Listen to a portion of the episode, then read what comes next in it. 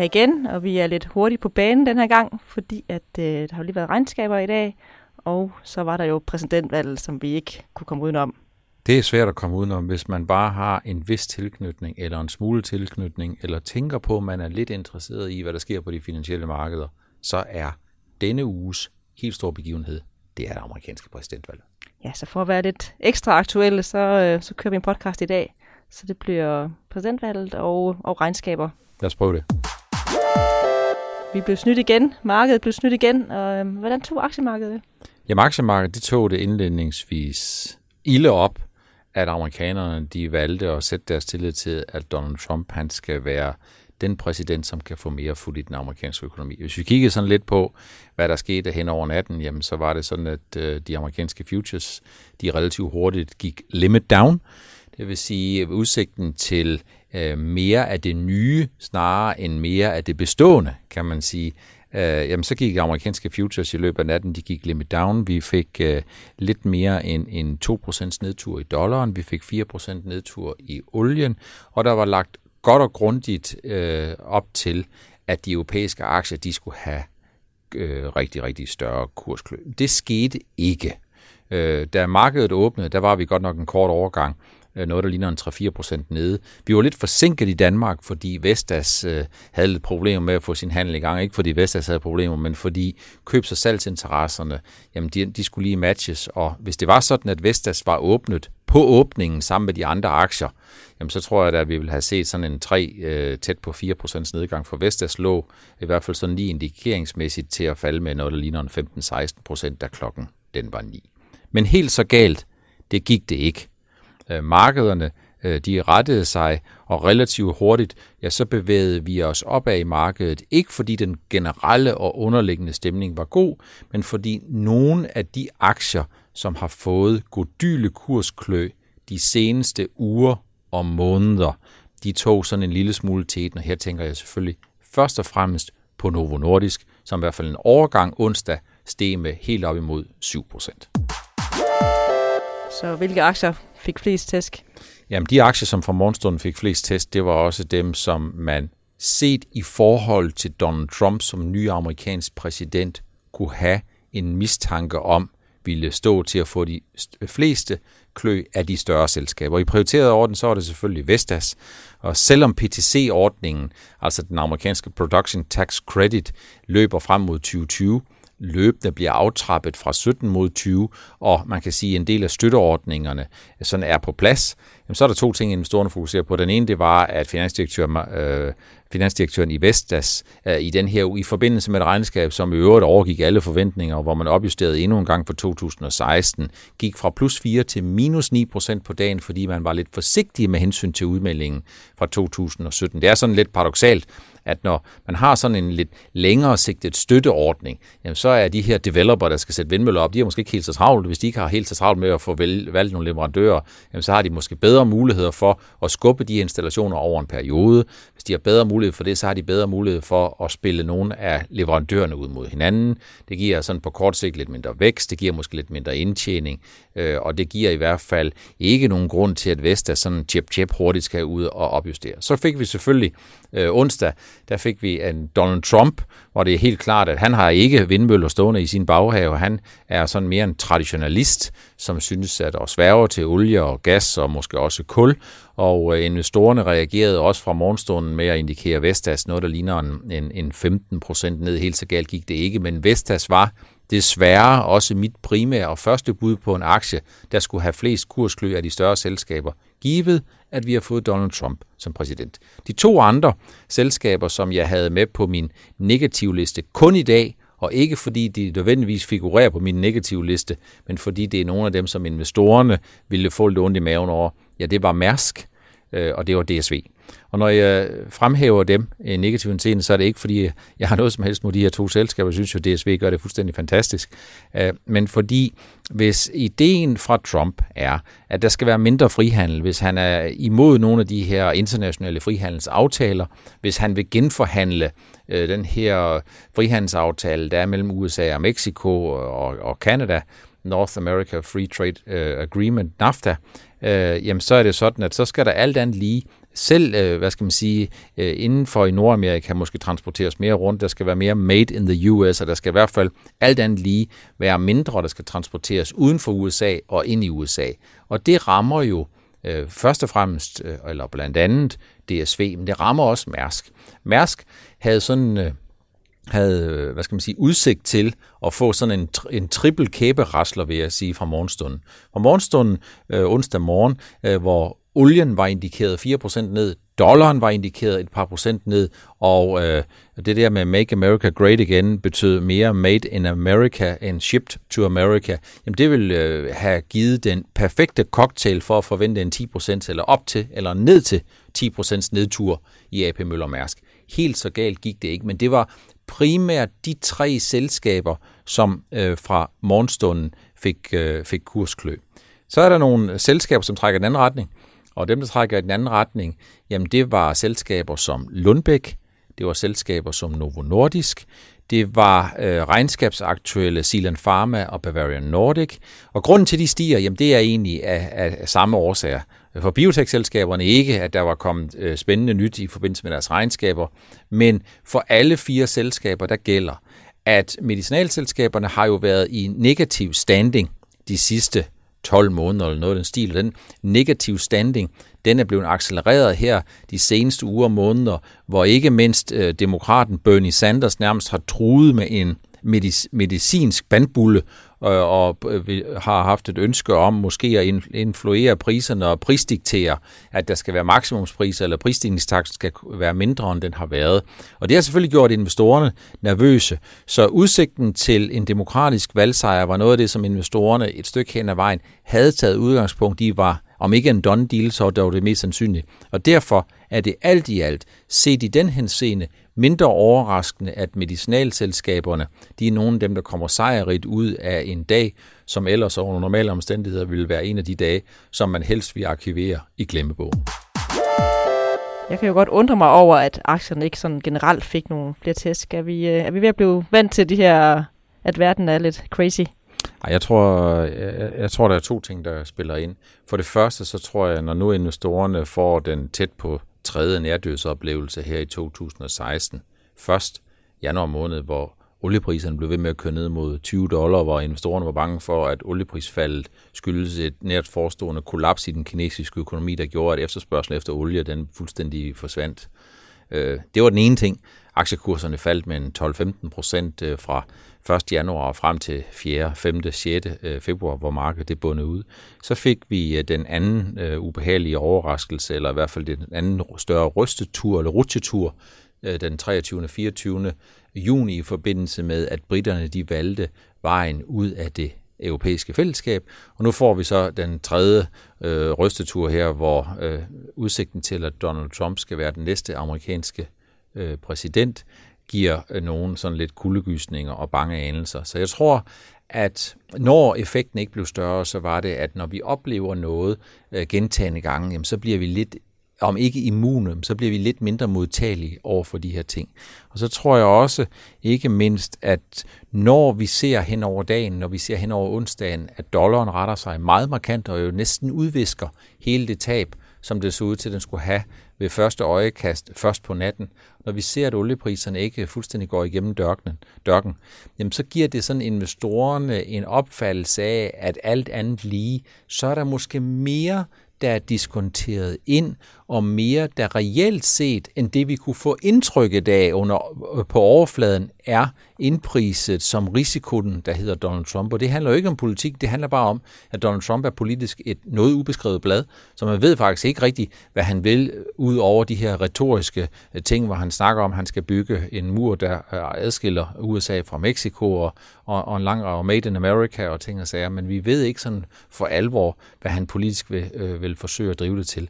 Så jeg tror, der er de to ting, der er de underliggende faktorer, ikke viste den, de udsving, som man regner med, og så den her, øh, den, den tredje rutsjetur eller rystetur, der alt andet lige gør investorerne lidt mindre modtagelige. Men jeg tror helt at sige, at onsdagen ikke var en dag, som var præget af større udsvinger, hvor der er en hel del, som ikke går, om ikke går tom hen, så i hvert fald går øh, negativt hjem i, set i forhold til deres portefølje. Det kan man sådan ikke helt sige.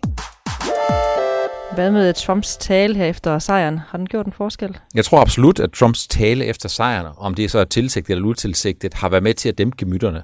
Og grunden til det er jo og var efter min mening, at hans tale efter sejren var meget, meget afdæmpet. Og det han egentlig lagde op til, det var to ting. Den ene, det var forsoning. Øh, det er vigtigt, og når man kigger på den amerikanske valgkamp, så os som europæer eller som danskere, vi forstår ikke rigtig den retorik, der bliver fremført. Vi forstår ikke, at man kan slippe afsted med at sige det, som Donald Trump han har sagt. Øh, vi forstår ikke, at man kan slippe afsted med ligesom at hævde, at hvis man stemmer øh, på modparten, så er man mere eller mindre debil, eller ting og sager. Det, det forstår vi ikke, men det er en del af noget valgtaktik, som amerikanerne egentlig ikke bærer særlig meget notits af. Det tænker de ikke særlig meget på. I det øjeblik, det bliver sagt, så er man sådan set videre. Så jeg tror, hans tale omkring forsoning betød noget. Så undlod han heller ikke at sige til sidst, at dem, som har været mest presset de sidste 15-20 år, they will not be forgotten, som han sagde. Og det var med tydelig adresse til, at dem, som har valgt Donald Trump, øh, har været øh, ikke mindst den amerikanske middelklasse, som har været meget under pres de sidste 15-20 år og oplevet Øh, realløns tilbagegang, svært ved at finde nogle jobs, svært ved at finde nogle jobs, som man kan tjene nogle penge på. Øh, så så jeg tænker alt i alt, at den Trump, vi hørte efter sejren, var en noget anden øh, Trump, end den man kunne få indtrykket af, hvis man kun havde set nogle af de brudstykker fra hans retorik, som vi er blevet præsenteret for under valgkampen. Ja, så til det helt store spørgsmål. Hvad kommer der til at ske fra nu af? Jeg tror, at øh, nu tror jeg, at Trump han måske lige skal sove på det. Øh, jeg tror, at investorerne lige skal sove lidt på det. Min umiddelbare reaktion, det er, at aktierne sådan er faldet lidt for lidt på selve dagen. Det betyder jo ikke, at jeg lige pludselig siger, at aktien skal falde 5-7% yderligere. Det betyder ikke, at jeg forudsiger Ragnarok. Men, men, men umiddelbare reaktion, det er, det er, det er en lidt en billig omgang, at investorerne har fået, også selvom at det er en déjà vu-oplevelse, hvor når vi oplever det for tredje gang, så, er det som, så ryster vi mindre i bukserne, når der er nogen, der siger bø til os. Men, øh, men min umiddelbare op, øh, opfattelse, det er i det generelle tilfælde, ikke i det enkeltstående tilfælde, men generelle tilfælde, det er, at aktien er faldet lidt for lidt. Men hvis jeg skal prøve at opsummere, hvad jeg tror, der kommer til at ske, jamen så er det, at investoren de kommer til at tænke på øh, blandt andet de her 5-6 ting. Øh, for det første, jamen så er Trump han er ikke særlig positiv stemt over for frihandel. Han tror mere og mest på Made in America, og det vil sige, at vi kommer til at se, at investorerne tager udgangspunkt i, at der skal altså rykkes nogle flere arbejdspladser ind i USA. Der skal nok være lidt mindre frihandel, øh, og, og det er jo sådan, at, øh, at det er selskaber som DSV og Mærsk og andre, som godt i hvert fald i et mellemperiode kan blive holdt lidt tilbage. Punkt to, jamen så er det sådan, at vindmøller eller andre form for vedvarende energi, det er ikke en energitype, som hverken er opstået i eller gror i Donald Trumps baghave. Øh, PTC-ordningen øh, øh, den kører frem mod 2020, bliver, op, bliver aftrappet løbende øh, fra 17 til 20, så vidt jeg husker, og med et, et trippel republikansk opbakning, det vil sige en republikansk præsident med en, med en øh, republikansk kongres i form af et flertal i senatet og i demokrat og i repræsentanternes hus, jamen der tror jeg ikke, at man skal have øh, øh de helt store fornemmelser for grøn energi øh, frem de kommende 3 til øh, fire år, hvis man kigger den på det. Man kan ikke gøre så meget ved de der støtteordninger, der er der, men man kan måske opfordre eller opbilde nogen til at bruge dem lidt mindre end det, som den tidligere administration havde i tankerne. Øh, den tredje ting, det er, at medicinalaktien de reagerer øh, positivt på Trump-sejren. Jeg tror, det handler meget om det, som vi har været lidt inde på, at demokraterne har måske nærmest øh, øh, garanteret, at de vil indføre en form for priskontrol. Det spændende det bliver, øh, hvad der kommer til at ske efterfølgende. Jeg tror, vi har set det værste for så vidt angår medicinalaktierne. Jeg tror ikke, at vi sådan for alvor kommer til at se en anden eller tredje eller fjerde øh, angrebsbølge. Det spændende det bliver, at Trump har jo tidligere sagt, at han vil af med Obamacare, og spørgsmålet det er så, hvad der kommer til at ske i den situation. Øh, jeg tror for det fjerde, at Donald Trump han tænker sådan lidt på at finde en kattelem for at lokke de hundredvis af amerikanske milliarder af dollars tilbage til USA, repatriering af nogle øh, indtægter, som ikke er beskattet, og som står uden for USA, og som investorerne jo gerne vil have tilbage. For eksempel sådan et selskab som Apple har masser af penge fra deres indtjening, men som ikke sådan for alvor er undergået den beskatning, som de ville have undergået, hvis det var sådan, at de havde været et amerikansk selskab. Øh, jeg tror, at Donald Trump på en eller anden måde vil prøve at se, om man kan lave sådan en form for en ordning, hvor man trækker nogle af pengene tilbage. Men jeg tror ikke, at investorerne eller virksomhederne, de skal glæde sig alt for tidligt, fordi jeg tror, det helt sikkert vil ske under devisen noget for noget, og hvis man forestiller sig, at man får en skatteamnesti på, på den her øh, måde, jamen så tror jeg, at Donald Trump han vil, om ikke kræve så noget, der er tæt derpå, at det dollar for dollar, jamen der kommer der til at ske en hjemfasning af de produktionsmæssige arbejdspladser, som i dag jo i stor stil er blevet udfaset til Kina. Så for mig at se, så er det ikke noget, der gør, at der er nogen, for eksempel Apple-investorer, som af den grund lige pludselig skal få dollartegn i øjnene. Der er ingen tvivl om, at Donald Trump har jo tilkendegivet, at han synes ikke, det er fantastisk, at Apple de får produceret deres øh, mobiltelefoner i Kina for så at eksportere dem tilbage til, til USA, uden at det sådan for alvor kommer øh, den amerikanske øh, mellemklasse øh, øh, sådan for alvor til gode i form af, af, af hvad hedder det, arbejdspladser. En femte ting, øh, hvad kommer der til at ske med den amerikanske centralbank? Janet Yellen har jo en fireårig kontrakt. Hun er for kvinde eller for mand, øh, og det gælder frem til 2018.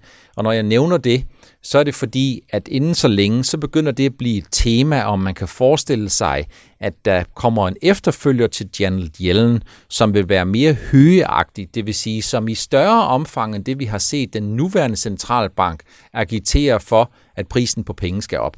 Og hvis prisen på penge skal op, så vil man se en stejling af den amerikanske rentekurve. Det er godt for de amerikanske banker.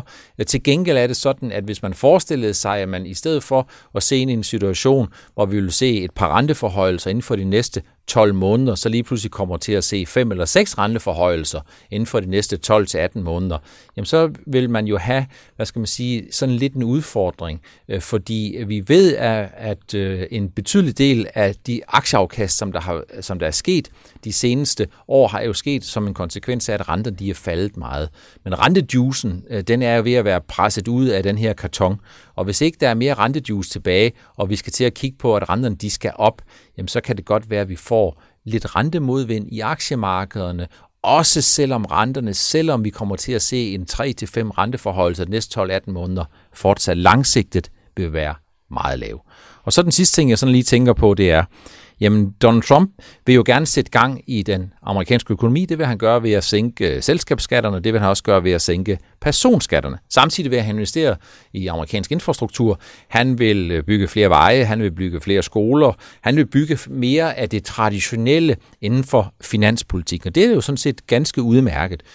Men der er en regning, der skal betales, og Øh, og den regning, den bliver sikkert betalt med øh, færre overløbere nede i Mexico, når de er færdige med at bygge muren dernede, hvis det svarer til den retorik, vi har hørt. Men spørgsmålet det er, om investorerne på kort sigt vil tage udgangspunkt i, at hans plan vil blive fuldt finansieret. Hvis de ikke gør det, jamen så kommer vi til at se en situation, hvor vi får et stigende amerikansk budgetunderskud. Hvis vi får et stigende amerikansk budgetunderskud, så vil vi sandsynligvis se, at investorerne de vil gøre et, eller to, et af to. Enten jamen så vil de kræve en svagere dollar ved øh, på den måde, altså sende dollaren nedad, sådan så udenlandske investorer de får risikopræmien øh, på i statsobligationer igennem en svagere dollar og en billigere indkøbspris, eller også så vil man kræve en mere rente for at tage flere amerikanske statsobligationer, så vil renten gå lidt op. Så det er sådan lidt, lidt et spørgsmål, der står hen i det uvisse, eller noget af det, som investorerne i hvert fald vil, øh, vil kigge på. Overordnet set, så synes jeg, det er vigtigt endnu en gang at sige, at øh, når der kommer nogle af de rystelser, som vi ser her, så er det en god idé at kigge på sin portefølje. Kig på, om de aktier, du har i din portefølje, om de svarer til din investeringsprofil risikomæssigt og til din tidshorisont. Øh, eller har du de aktier, som bliver lidt eller noget eller meget påvirket af, at Trump øh, prioriterer og positionerer sig anderledes end Clinton, med det en mente, at vi har altså trippel flertal for øh, republikanerne, jamen så skal du gøre noget. Det er for mig at se fortsat øh, vigtigt at understrege, at det ikke tiden efter min bedste overvisning til dramatisk at øge sin aktierisiko. Der kan sagtens opstå muligheder, der kan sagtens opstå kursudsving. Det forstår jeg udmærket godt, der er nogen, der opportun ønsker at lede efter. Det synes jeg er helt fornuftigt, øh, og det skal investorerne absolut også gøre. Men man må ikke øh, øh, forledes til at tro, at vi nu er på vej til at se en situation, hvor aktierne de skal til at galopere deroppe af. Det vi har set de seneste seneste stykke tid, det er, at aktierne er steget langt mere end indtjeningen er steget. Og når aktien stiger mere end indtjening, og aktierne stiger mere end indtjeningsforventningerne, så bliver varen, den bliver dyrere. Og hvis det så er sådan, at vi får nogle af de her skvulp, hvor vi kommer ud i et territorie, hvor vi ikke har været før, og vi ikke rigtig kender konturerne af de her ting, jamen så er det sådan, at investorerne, de kan komme ud på en større rystetur. Så overordnet set, den store optur, som jeg jo har snakket om rigtig længe, og den har heddet alt fra opturstræthed til mangel på ny energi og til jeg ved ikke hvad, den er stadigvæk intakt. Så investorerne skal ikke sætte, sig, sætte næsen op efter, at vi de kommende øh, to til tre år kommer i en situation, hvor man får overnormale afkast. Og overnormale afkast i det generelle og gennemsnitlige tilfælde vil sige et afkast, som ligger ud over den langsigtede indtjeningsstigning i størrelsesorden 5, 6, 7 procent. Så synes jeg afslutningsvis også, at vi lige skal huske øh, regnskaberne. Kan du, vil du sige noget generelt sådan om, om de regnskaber, der har været her? Det vil jeg gerne. Hvis vi sådan kigger øh, på øh, overordnet set, så kan man sige, at ja, der har været nogen, der har gjort det godt. DSV har gjort det fremad, Lundbæk har gjort det fremad med en gigantisk opjustering. Christian Hansen har gjort det godt, Danske Bank har gjort det godt. Hvis vi sådan skal kigge af de større selskaber. Det er ikke sådan, at den her liste den er udtømmende, men af de større selskaber, så har de gjort det rigtig godt. Novo Nordisk, Novozymes, AP Møller Mærsk og et par andre har derimod skuffet fælt. Og hvis man sådan ligesom skal kigge på de her ting, hvad er det, der har været, øh, hvad er det, der har været det overordnede tema? Jamen, så har det været, at det er enormt dyrt, hvis man ikke lever op til forventninger hos investorerne. Hvis man ikke leverer det, som investorerne regner med, og gerne en lille smule mere, fordi selv nogle af de selskaber, som har leveret, de har faktisk fået kursklø. Christian Hansen er et godt eksempel. Øh, startede faktisk med at stige en 3-4-5 procent på regnskabet, men nu her øh, øh, et, et, et stykke tid efter de er aflagte, så ligger den faktisk under det niveau, som den var presset ned på. Så Christian Hansen er en af dem, som har fået øh, kærligheden at føle.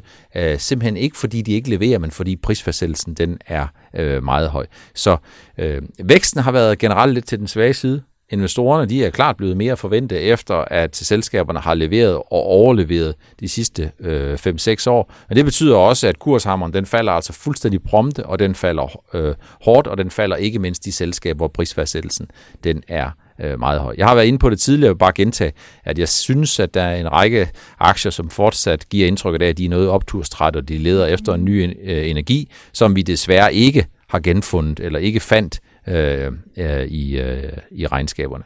Så den store optur, det er også det, vi kan se ud fra selve regnskaberne, jamen den er altså desværre forbi. I den her uge specifikt, der har vi fået øh, regnskaber fra for eksempel Nets. Nets har jo, puha, fået mange klø. Øh, de har øh, været, været nødsat til at, at bære mange byrder. Hver gang der har været nævnt noget om mobile pay i offentligheden, jamen så er aktien egentlig per definition faldet 2 eller 4 procent, fordi så har man taget udgangspunkt i, at nå okay, nu er der ny information. Øh, jeg synes, det regnskab, der kom fra Nets, var absolut godkendt. De skulle levere øh, Øh, en lille opjustering øh, i forhold til det, de gik på børsen med. Fordi det er bare sådan, at når man går på børsen, så skal man kunne ved første kvartal eller anden kvartalsregnskab, hvor man offentliggør regnskaber, der skal man kunne levere en opjustering, fordi man skal altså gå på, regn, gå på børsen med den gode stemning i behold, og det har de også leveret.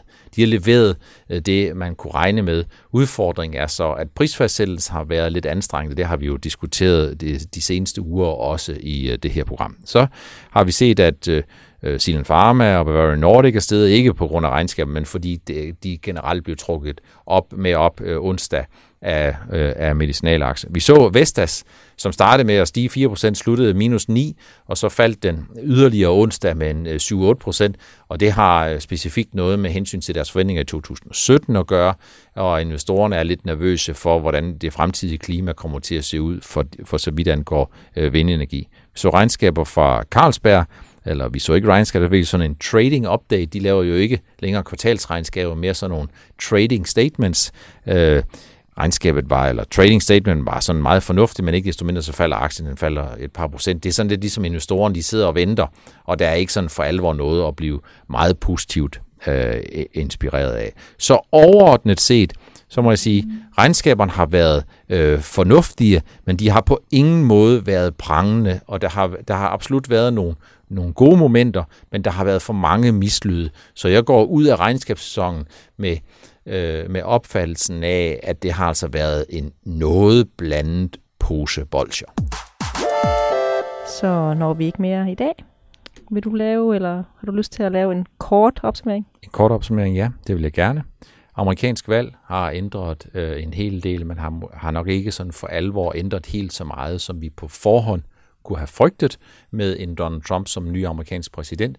Jeg tror dog øh, fortsat, at den markedsreaktion, vi så onsdag, jamen den var nok lidt for lille i forhold til den samlede markedsreaktion. Og den samlede markedsreaktion, øh, som så ud til at blive meget voldsom i det generelle aktiemarked, blev noget dæmpet af, at vi ikke fik den rutsjetur i dollaren, som man kunne frygte, og vi heller ikke fik øh, nedtur andre steder, for eksempel i olien, som kunne være med til at gøre investorerne mere nervøse. Så overordnet set, øh, jamen så er det amerikanske valg, det er overstået. Vi har ventet på det i 12-15 måneder, og nu har investorerne fået noget vidshed, og måske er det, at vi får vidshed, og det er den tredje rystetur, vi får øh, i 2016, måske er det reelt set de udslagsgivende faktorer, der gør, at det, alt i alt, at markedsreaktionen på gennemsnitsniveau, på, på indeksniveau, ikke blev helt så markant og bestandt, som man egentlig kunne have forestillet sig, hvis man for en måned siden havde spurgt, hvad vil der ske, hvis Donald Trump vinder valget og bliver den næste amerikanske præsident. Så er vi alligevel lidt omkring Øh, de danske regnskaber. Der har været i høj grad tale om en blandet pose bolsjer. Vi har i denne uge fået øh, nogle udmærkede regnskaber. Investorerne har taget sådan lidt forskelligt imod dem. Dem, der er blevet belønnet, jamen det er dem, som har leveret rigtig, rigtig stærkt, og hvor prisfastsættelsen er relativt moderat. Hvorimod der, hvor prisfastsættelsen er høj, og man har skuffet investorerne, jamen de har fået kursklø, og selv de selskaber, som har været i stand til at overgå forventningerne ganske dramatisk, har det ikke været nogen garanti for, at aktiekurserne de er gået op. Så vi er i en situation, hvor vi bare må sige, at investorerne er blevet mere forventet, og der skal ekstraordinært gode regnskaber til, for at regnskaberne i sig selv er en positiv kurstrigger. Ja, så skal vi lige huske at sige, at der ikke kommer nogen podcast på mandag. Det gør der ikke, nej. Så vi skal frem til den 21. november, før vi høres ved. Det gør vi. Tak for den gang. Tak.